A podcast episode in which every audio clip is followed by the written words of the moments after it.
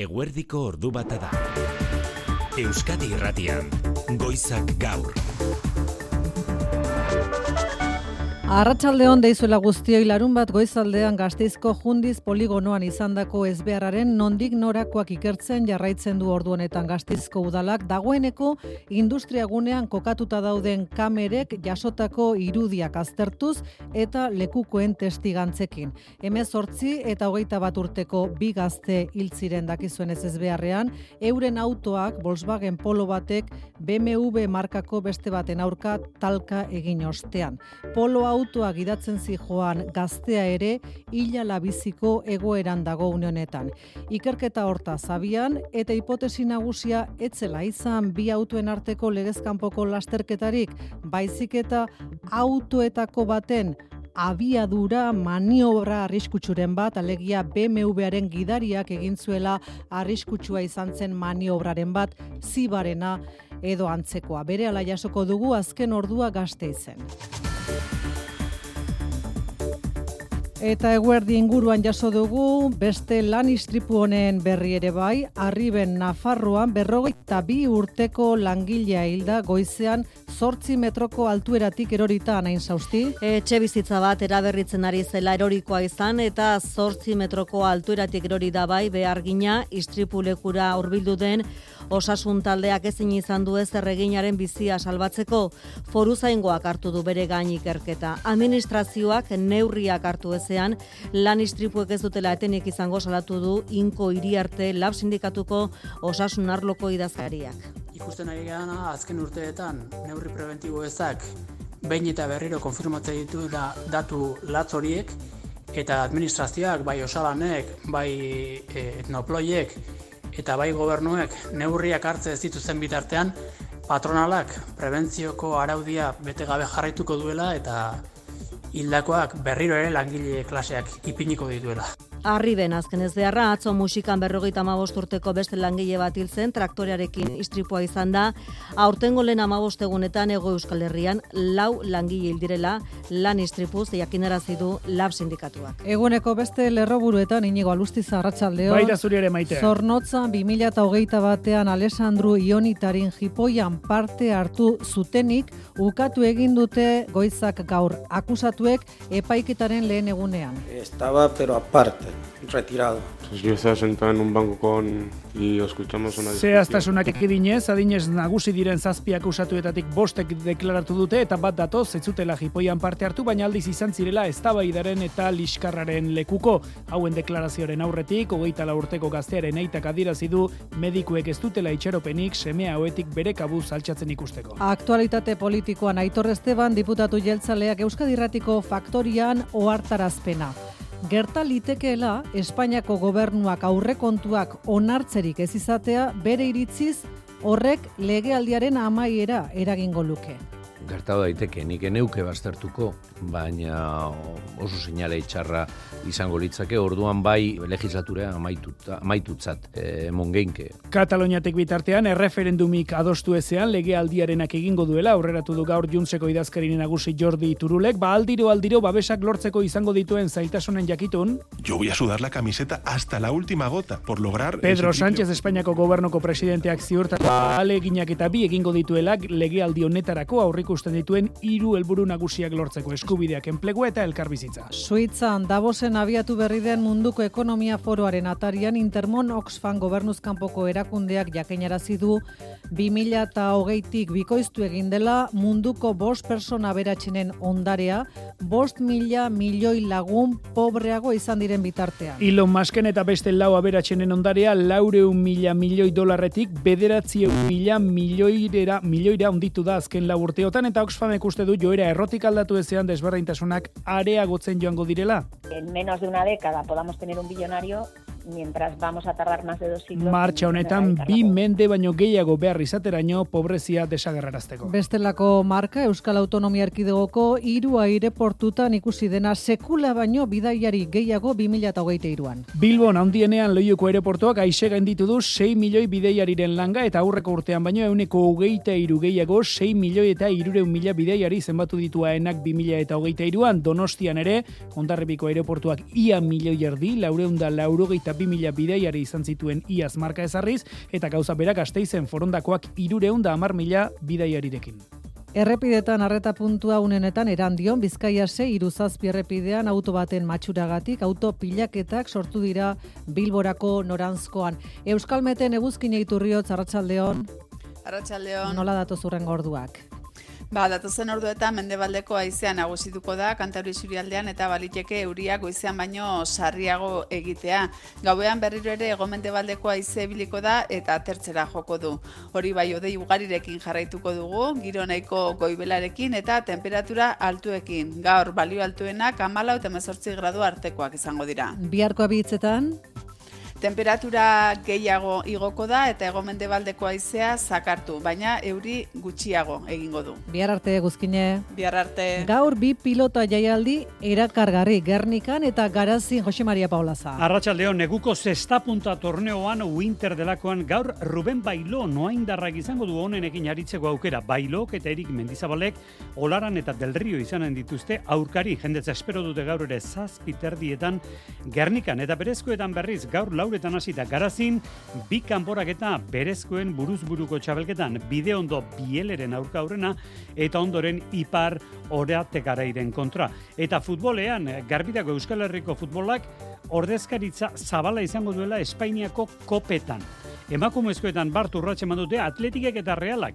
Eta gizunezkoetan bi izango ditugu seguru final laurdenetan, baino gehiago ez, bi derbi dauzkagulako bihar atletik alabez eta etzi osasun arreala.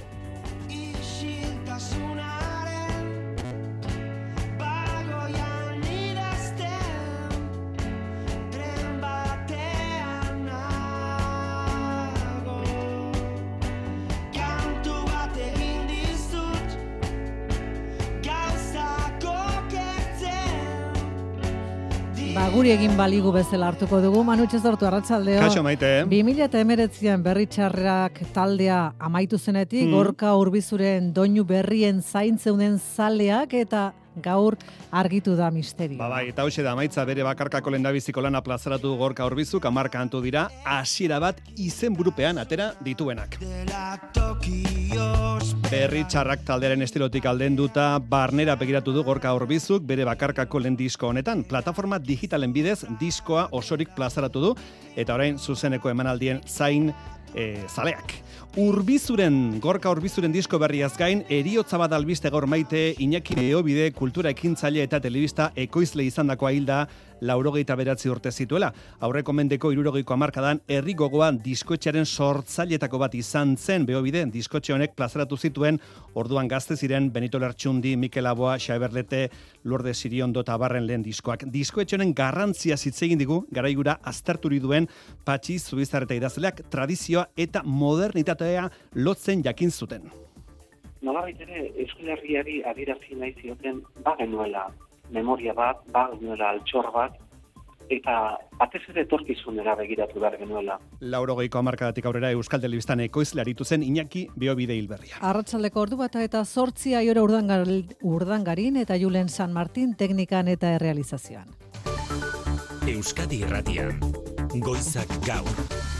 Maite Artola. Eta arratsaldeko ordu batetan hasita Gasteizko udalean bere ekimenez azalpenak ematen ari da Iñaki Gurtu bai Gasteizko segurtasun zinegotzia larun bat goizaldean jundizen izandako ezbehar larriaren inguruan. Urrengo orduetan industria poligono horretan ezarrita dauden bideokamerek jaso zituzten irudiek argitu dezaketenaren zain Gasteizko udalaren hipotesi nagusia da trompoak egiteko bildu zirela berrogeita marren bat auto eta itxuraz BMW markakoak egin zituela legezkanpoko maniobrak. Gogoratu ez beharraren ondorioz bi gazte hil zirela Volkswagen Poloan zijoazten biak eta hirugarrena hau Poloko gidaria hilala biziko egoeran dagoela iratibarren arratsaldeon Arratxaldeon bai, zabalik da ikerketa eta oraindik informazioa, informazio guztia osatzea falta den arren, udaltzengoak baztertu egin du bi autoak elkarrekin leian ari zirenaren hipotesia. Radio Euskadin Iñaki Gurtu bai, segurtasun zinegotziak adierazi duenez,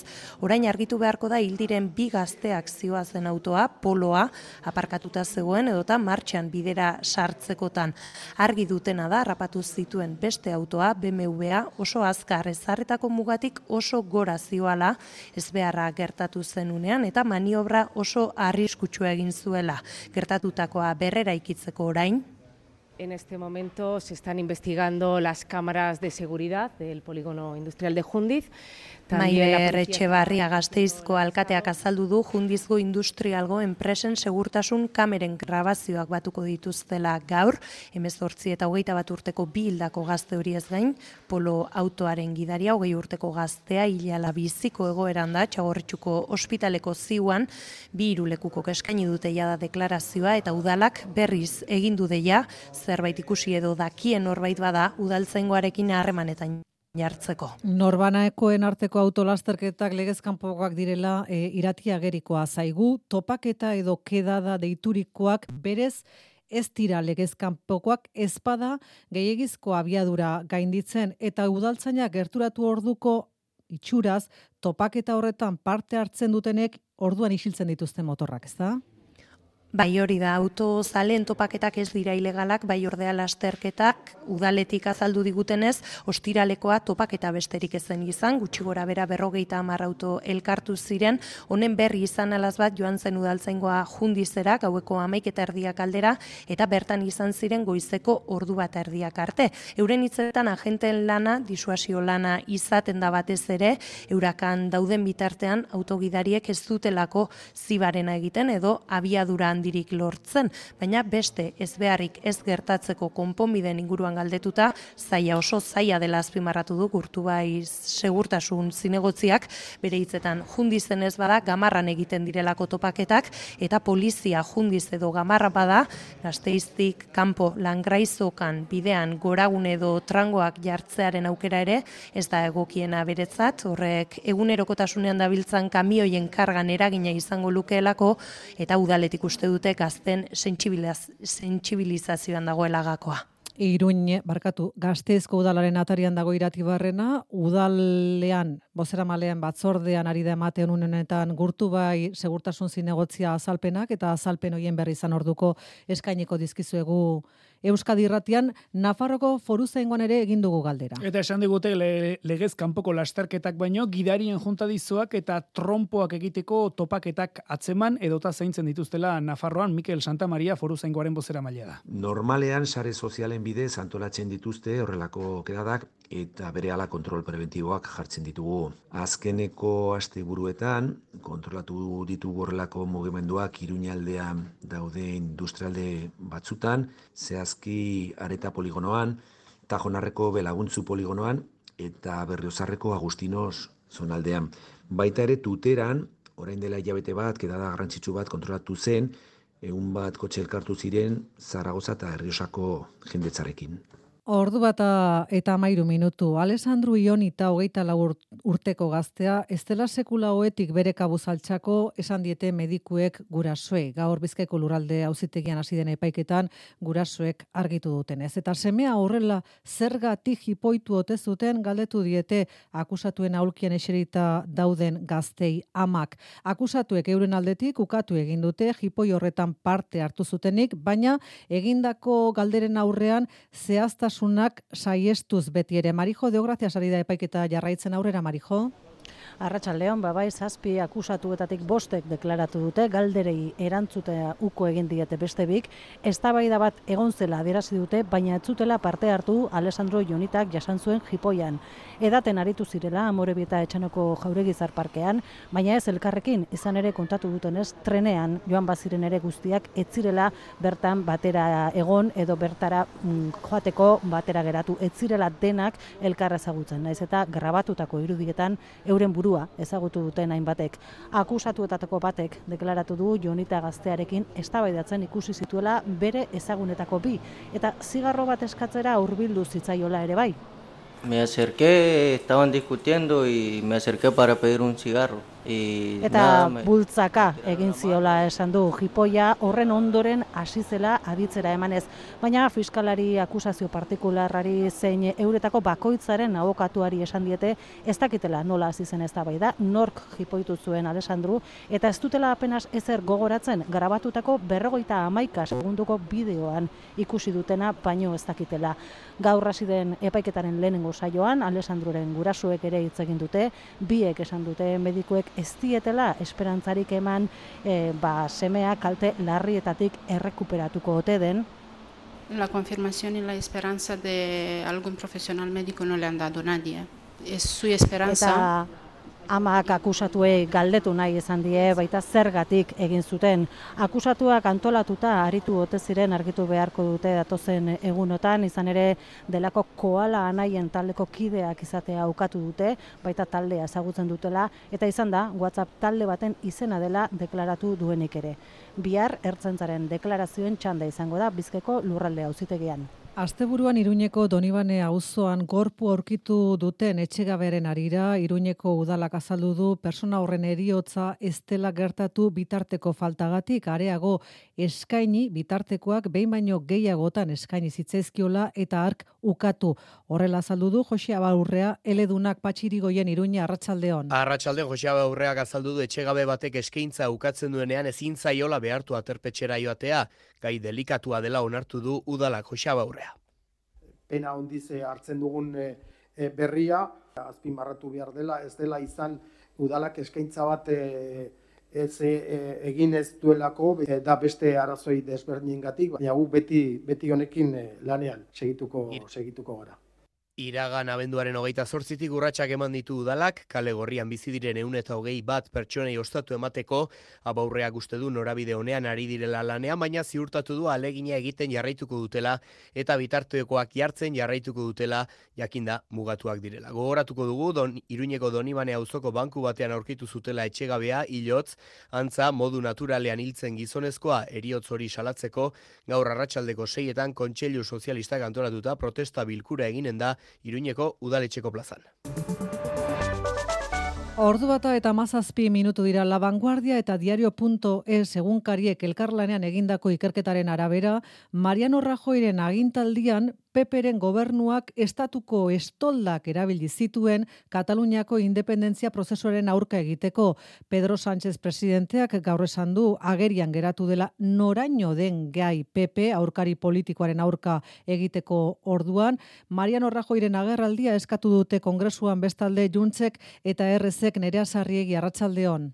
Arratsaldeon bai, bi egunkariek egindako ikerketa horren arabera gutxienez bost urtez, Mariano Rajoyren gobernuak bere zerbitzura jarri zituen Jorge Fernández Díaz, barne ministroaren agintepeko goi kargu polizialak. Ordezkari independentisten informazioa biltzen zuten, konfidentziala kasu askotan, Montororen ogasun ministerioaren bidez, batzuetan informazio faltsua zen, eta hala ere, txostenak komunikabidei filtratzen zizkieten, modu irregularrean txertatzen zituzten auzi judizialetan, eta hainbat Rajoy presidentearen bulegora iristen ziren. Epailek ez dute sekula, auzi honengatik Rajoy deklaratzera deitu, baina leioa zabaldu daiteke kongresuan Katalunia operazioaren inguruko ikerketa batzordean. Azalpenak ematera deituko dute presidente hoia, Junsek eta Eskerrak eta implikazioa eskatu diote Pedro Sánchezen gobernuari, Raquel Sanz Eskerra.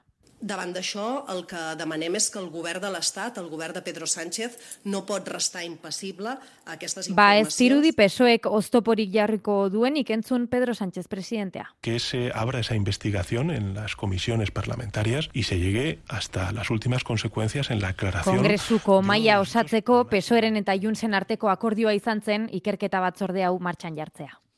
Joan den asteko bozketek bestalde agerian utzi dutenaz jabetzen da Sánchez alegia izerdi asko bota beharko duela legeak aurrera atera nahi baditu. Juntzen babesaren truke imigrazioaren inguruan lortu duten akordioa zala ere Sánchezek argi utzi du mugen kontrolaren eskumena beti izango dela estatuarena. Jordi Turul Juntzeko buruzagiak bien bitartean kudeaketa integralak kudeaketa osoa esan nahi duela aldarrikatu du, beraz interpretazio desberdinak entzun ditugun erea. Bai, muga jarri die Sánchezek Junsen iragarpenei, mugen kontrola estatuaren eskumena dela eta hortaz etorkinen balizko kanporaketak ere estatuaren erabakia direla. Azaldu du Kataluniaren esku geratuko direla autonomia estatutuak jasotzen dituen auziak hau da. Migratzaileen harrera, lanerako sarbidea entzun. Las eh, políticas de control de las fronteras están en manos de la Administración General del Estado. Y, Junsek aitortu du edukiak negoziatu behar dituztela, baina ohartarazpena egin du Jordi Turul idazkari nagusiak ez dutela eskatu besteen politikak kudeatzea, politikak Katalunian diseinatu nahi dituztela. Nosaltres que demanarem totes les competències en matèria d'immigració són totes. Sánchez argi utzi du alderdi independentistekin akordioak bilatzen jarraituko duela, ez du beste aukerarik, eta zentzu horretan beste ohartarazpen bat junsek adostutako erreferenduma baldintza dela beraientzat. Horrek bere ala piztu ditu alderdi popularren, popularraren alarmak, que el gobierno va a tener que humillarse todos los días, ceder en todo, conceder Alberto todo Núñez Feijok salatu du marra gorri guztiak gainditzeko prest dagoela Sánchez. Migrazio politiken eskumenaz eta Sánchezen gobernuak legealdia aurrera ateratzeko izan ditzaken zailtasunez, mintzatu da faktorian Aitor Esteban kongresuko bozera male jeltzalea. Migrazioari lotuta, juntzek eta pesuek ustez adostu dutenaren aldean, jeltzaleek itundutakoa defendatu du Estebanek besteak beste bideragarria dela arrazoituz, elefantea, zatika edo puskaka jaten badakiela ea jotak alegia mertxetxe berria. Arratxaldeon horrelako negoziazioetan jeltzalek duten eskarmentuari esker hitzartutakoa ondo zehazten saiatzen direla beti, nabarmendu du aitor Estebanek, juntzek eta pesoek adostutako migrazio politika integralaren eskualdatzeaz berriz dio, ez dagoela argi ze eduki izango duen eta parlamentuak onartu behar duen lege baten baitan legokela. Guk itundu duguna, horretarako ez da e, legibiltzarren eh, parte hartzerik behar, ez da lege baten bitartez onartu behar, ordenamendu juridiko barruan sartu itzen da transferentzi moduen, eta hori gura dugu, eskuduntza e, jasotzea, gurea nahiko konkretua da, bideragarria, parlamentuak ez dau parte hartzen, eta beraz guk ikasi dugu elefantea satitan jate. Inmigrazio eta harrera politikekin batera aldirietako trenbide zerbitzuak eta atzerriko titulazioen homologazioa, jeltzale eta sozialistek hiru hilabeteko eperako sinatutako eskumenak martxorako beranduenez eskualdatuta espero ditu Esteban jeltzaleak, ala espalitz abisu eman du jeltzalen bozera maleak. Ja, erdi eginda balego eta martxoan eh, badatoz, ba, bueno, ez da, ez da ezer gertatzen. Eh?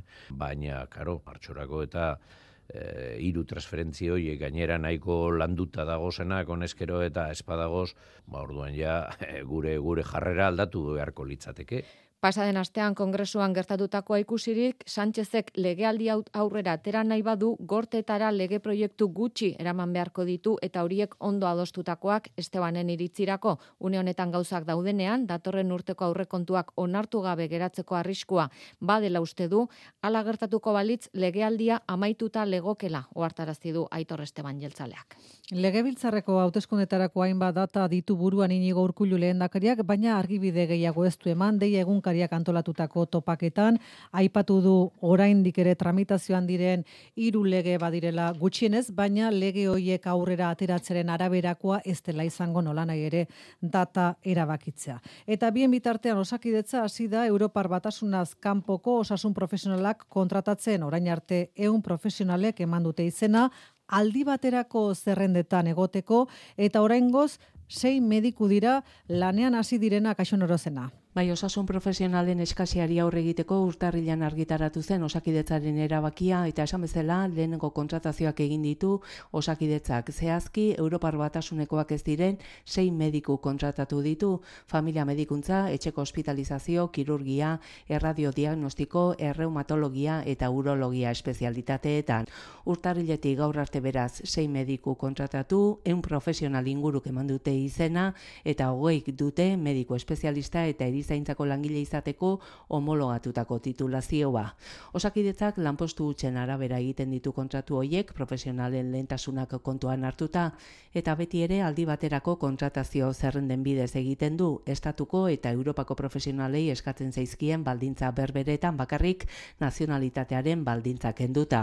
Osakidetzak berez berrogeita amabost espezialitateetan onartuta du nazionalitatearen baldintza salbuestea, helburua da zaila den esparru zentroetan profesionalak aurkitzea eta dagoen premiazko beharrari aurre egitea. Sei urte bete dira Euskal Herriko pentsiodunen mugimendu astelenetan kalera ateratzen hasi zela, besteak beste mila eta larogei euroko gutxineko pentsioa aldarrikatzeko. Bilboko kaleetan abiatutako mugimendua ego Euskal Herri osora zabaldu zen, gaur larogei herritan egin dituzte elkarretaratzeak sei urteotako ibilbidea balioan jarri eta aurrera begirako aldarrikapenak finkatzeko ekaitzagirre. Pentsioen euneko 0,hogeita bosteko igoera aginduz Fatima Bainez, orduko ministroak bidalizien gutunak eragin zuen pentsio duren aserrea, Bilbon mobilizazioiekin eta berreun eta irurogeita amabost asteleen geroago kalean jarraitzen dutela aldarrikatu ez ezik ospatu nahi izan dute gaur pentsio dunek. Zorionak, astelenetan mugimendu sozial handi honetan parte hartzen duzuen guztioi. Historia egin duzue, Sei urteko borrokaren ondorioz lortutakoa balioan jarri nahi izan dute, 0,hogeita bosteko indizea indargabetzea gizarte segurantzari egindako kotizazioen euneko 0,6ko igoera diru sarrera hobetzeko eta genero barrakala naiz alarguntza pentsioak hobetzeko hainbat neurri, nahikoak ez diren arren pentsio dunen esanetan. Aurrera begira aldarrikapen nagusia, mila eta laurogei euroko gutxieneko pentsioa Carlos Etxeberria mugimenduko kidea batez ere gutxieneko pentsioa ezartzea e, estaduko gobernuak alde batetik berak e, aurau normatiboa bera daukalako, baina beste aldetik bai Nafarroako eta EAEko gobernuak ere ezar dezake, hau da, os, e, osatu ditzake pentsioak. Mila eta laro gehi, eh, hori amalau pagatan, eta hemen ere osatzekoan hori eskatuko genuke. Eta hori nahi eta nahi ezkoa da neurri hori, emakumeen duten arrakala hori baitare lehuntzen e, lortuko lukela. Topa eginez Euripean ospatu dute gaur pentsiodunek seigarren urte hurrena datorren asteleenerako itzordua jartzearekin batera. Ordu bata eta hogeita zei minutu Suitzako Davos irian martxan da munduko ekonomia foroa bihar hasiko dira estatu eta gobernu buruen itzaldiak, baina foroak gaur kaleratu duen txostenean sektore publiko zein pribatuko ekonomia arduradunak bat datoz. Esaterakoan, azkunde aurreikuspenak ez direla oso baikorrak eta ziurgabetasun egoera dela nagusi. Besteak beste, tentsio geopolitikoengatik eta adimen artifizialaren garapen azkarraren gatik zizteituria gagoitia. Txostenean parte hartu duten ekonomia arduradunen euneko ia laroge ikuste du, Europan azkundea txikia edo oso txikia izango dela aurten, irailan baino eskorrago agertu dira oroar adituak. Amerikan, Afrikan eta batez ere Asian baikorragoak dira aurre ikuspenak, baina inun ere ez dut espero azkunde hondirik. Hortik aurrera, ekonomia arduradun gehienek, amarretik bederatzik uste dute, geopolitika kareagotu egingo duela munduko ekonomiaren ziurgabetosun eta egakortasuna eta ohartarazi dute desberdintasun ekonomikoak haunditzen ari direla. Desberdintasun horiek dira, hain justu Intermon Osfan gobernuzkanpoko erakundaren txostenak gaur agerian utzi dituena. Daboseko foroaren arira publiko egin duen ikerketak dio, 2008 garren urtetik bikoiztu egin dela munduko bost persona aberatzenen ondarea eta bitartean duela lau urte baino pobreagoa direla bost mila milioi persona. Orduko amalo milioi dolar irabazi dituzte Elon Musk, Bernan Arnault, Jeff Bezos, Warren Buffett eta Larry Ellisonek lau urte hauetan. Eta horren ondorio, zeuren ondarea, lareun mila milioi dolarreko izatetik, ia bederatzerun mila milioiko izatera igaro da. Osfaneko hartarazi du munduko amarre enpresa undienetatik zazpitan, milioi du naundiren bat dela presidente edo akzio du nagusi eta korporazio eta monopolio hauek desberdintasun ekonomikoak nabarmen areagotzen ari direla. Nerea Basterra Intermon Osfaneko desberdintasun ataleko arduraduna. Tienen la capacidad de marcar las reglas del juego, lo que están haciendo al final es imponer precios, imponer salarios, imponer condiciones de, de compra y por tanto eh, perjudicar a trabajadores y trabajadoras. Gauzak aldatu ezean, desberdintasunak areagotzen joango direla ohartarazi du Bastarrak. En menos de una década podamos tener un billonario mientras vamos a tardar más de dos siglos en, en erradicar la pobreza. Estatu Espainiarreko datua ere eman du Intermon Osfan gobernuzkanpoko erakundeak. Aberatzenen euneko batak, aberastasun guztiaren euneko geita bidauka bere eskutan. Aberastasunaren ardia berriz, aberatzenen euneko amarrak, eta familia pobren erdiak apenas duen bere eskutan Estatu Espainiarreko aberastasun guztiaren eunetik sortzi. Eta etxera itzulita lapurdin urdazuri inguruan nahasmendu endrokinoak eragiten ari den osaigai baten presentzia aurkitu dute eta ikertzen hasi da Euskal Hirigune elkargoa zerdaki guandoni lizeaga. Maila ezberdinetan, baina oroar urdazuri inguruko aurren artean elementu horren presentzia altuagoa da beste leku batzuetakoekin alderatuta. Urdazuriko hogeita mar aurri analizia peio difo autetxi eloizundarraren alabari ere egin diote proba eta berak ere maila altuagoa du eta hoiek susmo dute ur horretatik heldu litaikera aurren uh, pisan agertzen den kutsadura hori. Gero kusi beharko da zenta aski komplikatua da lotura egitea berez ora jakinez etxe guzietan produktu horiek agertzen dira eta plastiko horiek ukituz kutsatzen garera denak. Su arriskoaren kontrako sustantzia bat da jostailuetan, jantzi askotan, ibilgailuetan, leku askotan bariatzen dena. Eraldatzaile endokrinotzat jotzen dutena, oraindik ez dakite jator eta hor da urdazuri aldeko kutsaduraren hipotesia. Ikerketa bat eramanen da erri elkargotik, baina gaur egun niork ez daki egiaran nahiko komplikatua da gai gisa eta niork ez du eranen gaur egun undik heldu den, baina ikerketa eramateko da. Elkargoak berde gaz erreportaian parte hartu du eta ikerketa itzeman. 2008an Ifremer itxas ikerketen institutuak sustantzia horren maila altuak antzeman zituen moluskoetan eta ari horretatik tiraka hasi zen erreportaia.